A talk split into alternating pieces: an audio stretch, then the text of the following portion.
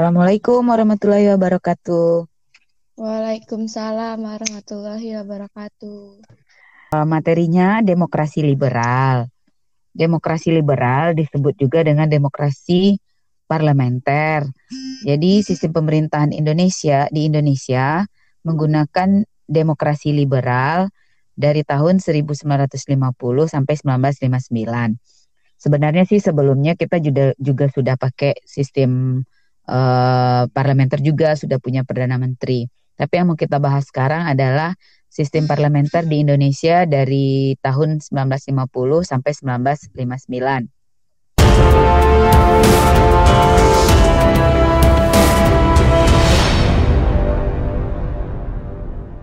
Nah, eh, tahun 1950 itu di masa demokrasi liberal itu kita menggunakan yang namanya Undang-Undang Dasar Sementara 1950.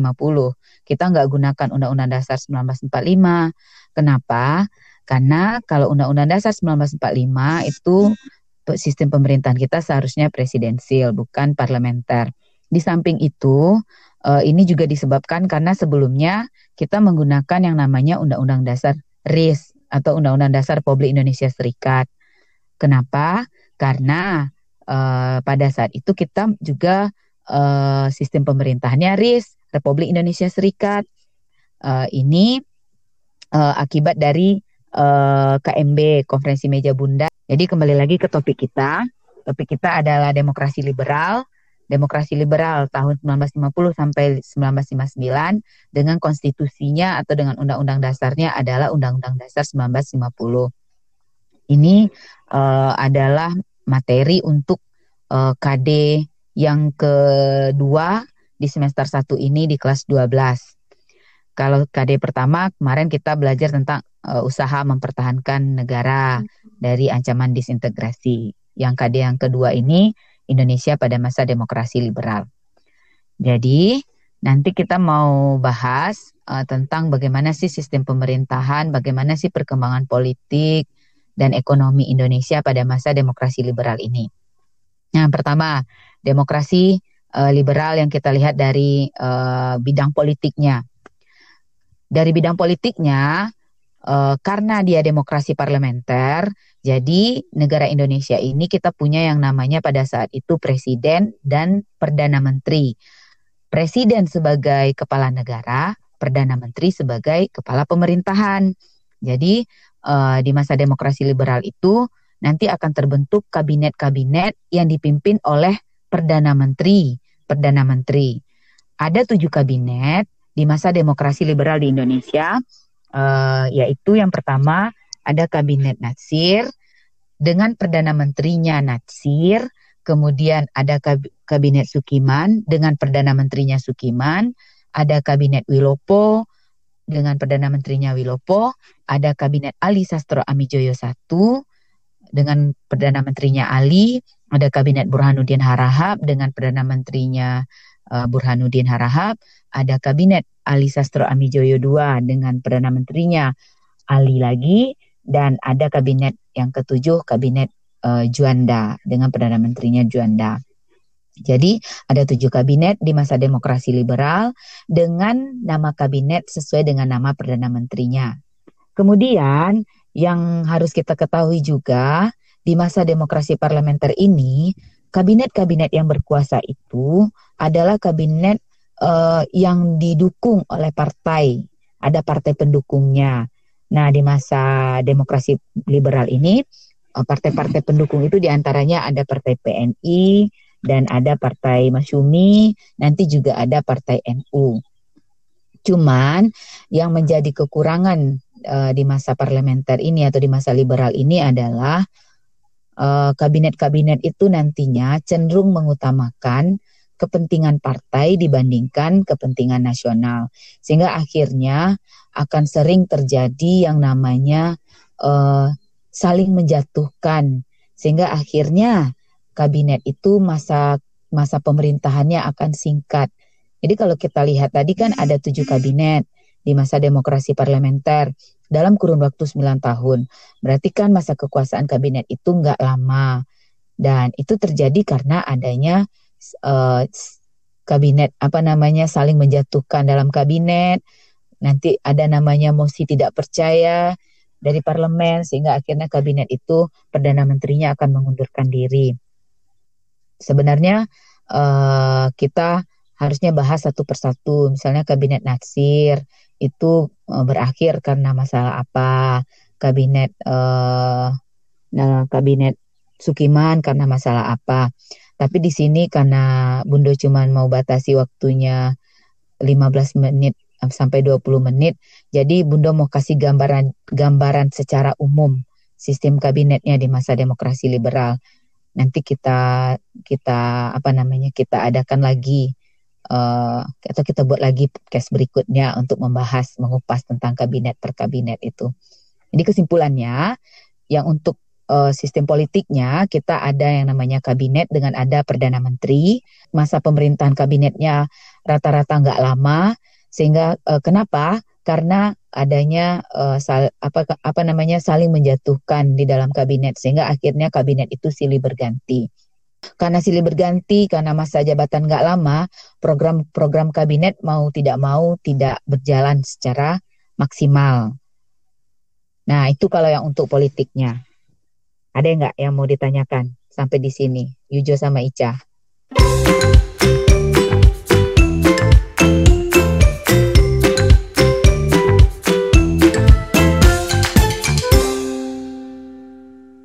Oke Bunda. Jadi itu kan setiap kabinet itu kan punya anggota tuh Bunda. Mm -hmm. uh, anggotanya itu tuh dipilih uh, berdasarkan perdana menterinya saja atau juga ada pertimbangan dari presiden ya? Uh, gini, uh, kan tadi Bunda bilang perdana menteri itu kan nanti ada apa namanya kabinet itu kan nanti ada partai pendukungnya. Jadi uh, kabinet yang berkuasa itu nanti anggotanya akan diambil sesuai dengan perimbangan partai-partainya di parlemennya seperti itu. Uh, oh gitu. Ya, misal contoh ya nak ya, contoh uh, Natsir. Nah Natsir ini perdana menteri Natsir ini berusaha uh, di dalam kabinetnya itu meng apa namanya itu menyeimbangkan anggotanya antara orang-orang PNI dengan orang-orang Masyumi berusaha seperti itu. Tapi itu tadi yang Mundo bilang karena pada umumnya uh, partai ini punya kepentingan masing-masing gitu Nana, lebih mengutamakan kepentingan partai sehingga akhirnya susah menyatukan, susah membuat yang ideal yang seperti yang diinginkan Natsir. Sehingga di dalam masa kabinet Natsir itu uh, apa namanya PNI nggak ada, malah PNI menjadi partai oposisi gitu Nana. Gak bisa diwujudkan yang seperti itu. Padahal Natsir pengen melakukan yang seperti itu. Itu yang Bunda bilang tadi sebenarnya kalau kita mau kupas tentang kabinet per kabinet itu mungkin uh, kita buat podcast lain kayak gitu podcast lagi gitu Nana. Karena Bunda kan tadi Bunda bilang okay. Tapi yang untuk yang pertanyaan Ica tadi terjawab nggak? Dia perimbang. Terjawab, Dia ada partainya nanti ada partainya sebenarnya banyak. Nanti kan kita juga ada akan bahas eh, sistem kepartaian, pemilu kalau berdasarkan yang ada di itu ya kurikulumnya. Kita bahas pemilu. Oke, okay, ya. Bisa. Oke, makasih banyak. Ya, okay. Yujo ada pertanyaan? Ada, Bun. Kan pas hmm. kabinet Natsirnya jatuh, pokoknya pergantian antara kabinet mm -hmm. tuh, Bun, milih kabinet selanjutnya yang mm -hmm. naik kan beda-beda kan, Bun, partai yang menyokongnya, Bun. Nah itu kayak mana bun? Agar iya. kabinet yeah. tersebut jadi itunya bun. Nah itu nanti ada uh, apa namanya campur tangan, apa istilahnya yang bagus ya? Ya itu ada kewenangan presidennya di situ nanti yang menetapkan uh, perdana menteri berikutnya gitu ya. Oh, Oke okay, bun. Nah nanti ada ya presiden presiden ikut menetapkan di sana, di samping nanti ada partai pendukungnya. Setelah Natsir kan nanti ada Sukiman ya nak ya. Nah nanti kalau Sukiman itu partai pendukungnya ada Masyumi dan PNI. Mm -mm. Kalau tadi Natsir kan nggak nggak bisa meng menggabungkan. Iya. Nanti di masa Sukiman ada Masyumi dan PNI. PNI yang menjadi partai pendukungnya. Iya. Nah begitu juga berikutnya selanjutnya selanjutnya kecuali di masa uh, kabinet uh, kabinet Ali Sastro Amijoyo II karena di masa kabinet Burhanuddin itu kita berhasil melaksanakan pemilu 1955 itu pemilu pertama ya nak. Ya, Bun. Jadi Pak Burhanuddin berhasil melakukan melaksanakan pemilu. Jadi kabinet alinya terbentuk nanti dari hasil Pemilu. pemilu. Nanti kita bahas itu. Oke, Bu. Iya, pemilu. Pemilu pertama itu nanti nak kalau sekilas Bunda kasih tahu, pemilu itu uh, pemenangnya ada empat partai. Ada PNI, ada Masyumi, ada NU, ada PKI. Jadi nanti kabinetnya terbentuk dari hasil pemilu 1955. Ya? Ya, Bun. Makasih, Bun. Bisa? Bisa. Oke. Okay. Oke, okay, next. Uh, biar disinggung sedikit yang ekonominya. Sebenarnya kayak yang Bunda bilang tadi, kalau kita mau kupas nggak akan cukup dengan waktu durasi 20 menit ini ya, Nak ya. Ya, Bun. Uh, apa tadi? Ah, Bunda ekonomi, yang lupa. Jadi gini, iya ekonomi. Kan politiknya, Bunda bilang kabinet silih berganti, kemudian uh, program kabinet gak gak berjalan maksimal. Jadi kalau kita lihat nanti nak program kabinet itu mirip-mirip pada umumnya program kabinet itu adalah masalah keamanan karena ada usaha-usaha pemberontakan itu yang sudah kita bahas di bab sebelumnya ya. Kemudian ada masalah uh, kemakmuran, masalah perekonomian, memulihkan ekonomi negara seperti itu. Nah, jadi uh, satu lagi isunya adalah masalah Irian Barat. Jadi kalau kita lihat lagi hasil KMB kan Belanda belum mau menyerahkan Irian Barat kepada Indonesia. Belanda menjanjikan. Jadi uh, di periode liberal itu di periode demokrasi liberal itu ada usaha-usaha untuk uh, meng, me, menyatukan Irian Barat menjadi bagian dari Indonesia. Jadi kabinet itu programnya yaitu berkisar dengan itu kemakmuran, keamanan, permasalahan Irian Barat, tapi nggak selesai-selesai. Kenapa? Karena program kabinet nggak jalan. Kenapa nggak jalan? Karena masa jabatan kabinet singkat. Kenapa singkat? Karena kabinet saling menjatuhkan. Kenapa saling menjatuhkan? Karena adanya uh, kepentingan partai itu tadi ya. ya. Nah efek berikutnya dari program kabinet yang nggak jalan tadi, perekonomian juga tersendat jadinya nak. Karena nggak fokus tadi, perekonomian nggak nggak bagus, nggak bisa meningkatkan perekonomian, memperbaiki perekonomian Indonesia di masa itu. Padahal di masa itu sudah diterapkan beberapa kebijakan. Apa saja kebijakan ekonomi pada masa demokrasi liberal uh, yang pernah diterapkan usaha-usahanya.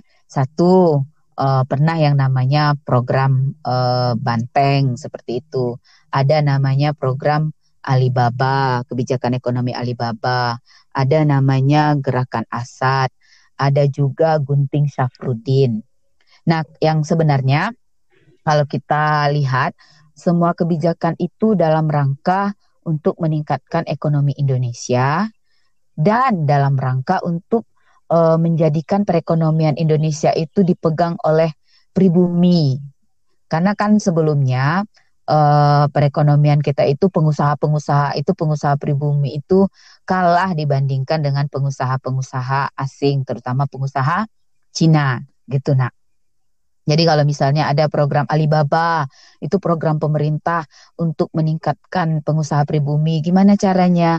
Adanya kolaborasi antara pengusaha pribumi dengan pengusaha Cina. Harapan pemerintah nanti ini akan menguntungkan pengusaha pribumi, tapi gagal.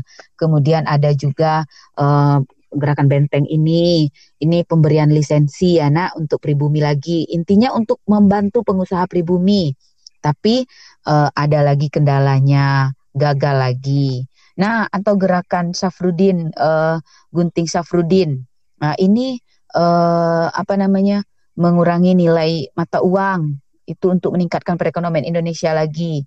Tapi ya itu tadi uh, kebijakan ini bisa dibilang kurang berhasil karena it, uh, tidak apa namanya karena dipengaruhi juga oleh kondisi politik Indonesia pada saat itu. Gitu. Nanti mungkin uh, bisa dibah- dibaca uh, yang Alibaba itu seperti apa sih, yang uh, gerakan Asad itu seperti apa sih, atau yang uh, gerakan Benteng. Yang jelas uh, kesimpulannya uh, kondisi politik Indonesia pada masa demokrasi liberal mempengaruhi kondisi ekonomi Indonesia pada saat itu. Jadi kondisi ekonomi kita bisa dianggap tidak berkembang pada masa demokrasi liberal. Jadi tersendat karena pengaruh politik dan juga karena pengaruh uh, adanya ke gangguan keamanan tadi. Sampai sini bisa dipahami? Siap bisa, Bun. Siap bisa. Nah, uh, kan uh, kita lihat lagi akhirnya. kan tadi ada kabinet tujuh, tujuh kabinet ya. ya ada kabinet Nasir sampai kabinet Juanda. Nah, terakhir akhirnya uh, di masa tadi Bunda bilang di masa kabinet Burhanuddin Harahap itu berhasil melaksanakan pemilu. Nah, satu yang unik di masa pemilu 1955 ini adalah pemilunya dilaksanakan dua kali ya, Nak. Uh, pemilu pertama untuk legislatifnya dan pemilu yang kedua uh, untuk memilih anggota konstituante. Pernah dengar konstituante? Pernah, ya. Jadi konstituante itu nanti tugasnya membuat konstitusi, membuat undang-undang dasar. Karena kenapa? Karena tadi yang Bunda bilang di awal, kita masih menggunakan undang-undang dasar sementara. sementara. Iya, benar, undang-undang dasar sementara. Jadi di pemilu 1955 juga ada uh, pemilihan untuk anggota konstituante. Apa tugas mereka? Menyusun undang-undang dasar yang baru. Itu nah tahun 1955 itu. Nah, cuman sayangnya konstituante yang terbentuk ini sampai tahun 1959 nggak berhasil menyusun undang-undang dasar yang baru itu. Kan sudah ada empat tahun itu nggak berhasil, nggak tercipta undang-undang dasar yang baru itu. Kenapa? Sama lagi dengan masalah kabinet tadi. Karena anggota konstituante juga mewakili partai-partai pemenangnya itu. Jadi ada orang-orang PNI-nya, ada orang masyuminya, dan mereka tidak bisa menemukan kata sepakat untuk melahirkan sebuah undang-undang dasar yang baru. Nah, kalau kita lihat kondisi politik yang kurang bagus, ekonomi yang tersendat, keamanan negara, ditambah konstituante yang tidak berhasil menyusun undang-undang dasar yang baru. Inilah akhirnya yang mendorong Presiden Soekarno mengeluarkan yang namanya Dekrit Presiden 5 Juli 1959 yang isinya nanti adalah kita kembali ke Undang-Undang Dasar 1945. Nah, dengan keluarnya dekret Presiden 1905 Juli, itu akhirnya menjadi penanda berakhirnya demokrasi liberal di Indonesia dan kita masuk ke corak berikutnya yaitu sistem demokrasi terpimpin di Indonesia. Nah, itu sekilas mengenai awal dari demokrasi liberal sampai berakhirnya demokrasi liberal di Indonesia. Bunda rasa cukup sekian ya uh, penjelasannya untuk episode kali ini. Nanti kita buat episode berikutnya untuk mengupas yang politiknya saja, ekonominya saja seperti itu. Oke? Okay? Oke, okay, Bun. Oke. Okay. Oke, okay, nanti Bun. untuk tambahan tambahan pengetahuannya silahkan dibaca-baca bukunya atau dibaca dari sumber yang lain ya. Uh, semoga yang Bunda sampaikan hari ini bermanfaat. Uh, terima kasih sudah ikut bergabung dengan Bunda hari ini. Uh, terakhir Bunda ucapkan Assalamualaikum warahmatullahi wabarakatuh. Waalaikumsalam warahmatullahi wabarakatuh. Waalaikumsalam warahmatullahi wabarakatuh.